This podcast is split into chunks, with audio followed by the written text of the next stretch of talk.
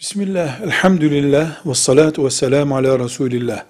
Muharramat, bir erkeğin evlenmesi ebediyen haram olan kadınlar demektir.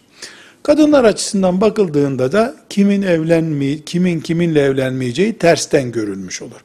Yedi grup insanı ayet ve ayetin delaletleri evlenilmesi sonsuza kadar haram olarak bize öğretmiştir. Bunlar kimlerdir? Bir, anne ve bütün nineler.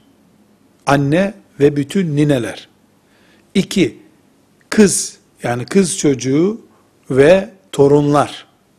Üç, kız kardeş, anne bir, baba bir olsun, baba bir olsun, anne bir olsun, bütün kız kardeşler. Dört, halalar ve babanın halası, annenin halası, o da muharremattan. Beş, teyzeler. Annenin teyzesi, babanın teyzesi de buna dahil.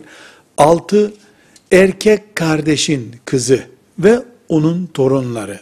Yani erkek kardeşin kendi kızı ve erkek kardeşin torunu olan kızlar. Yedi, kız kardeşin kızı ve onun torunları.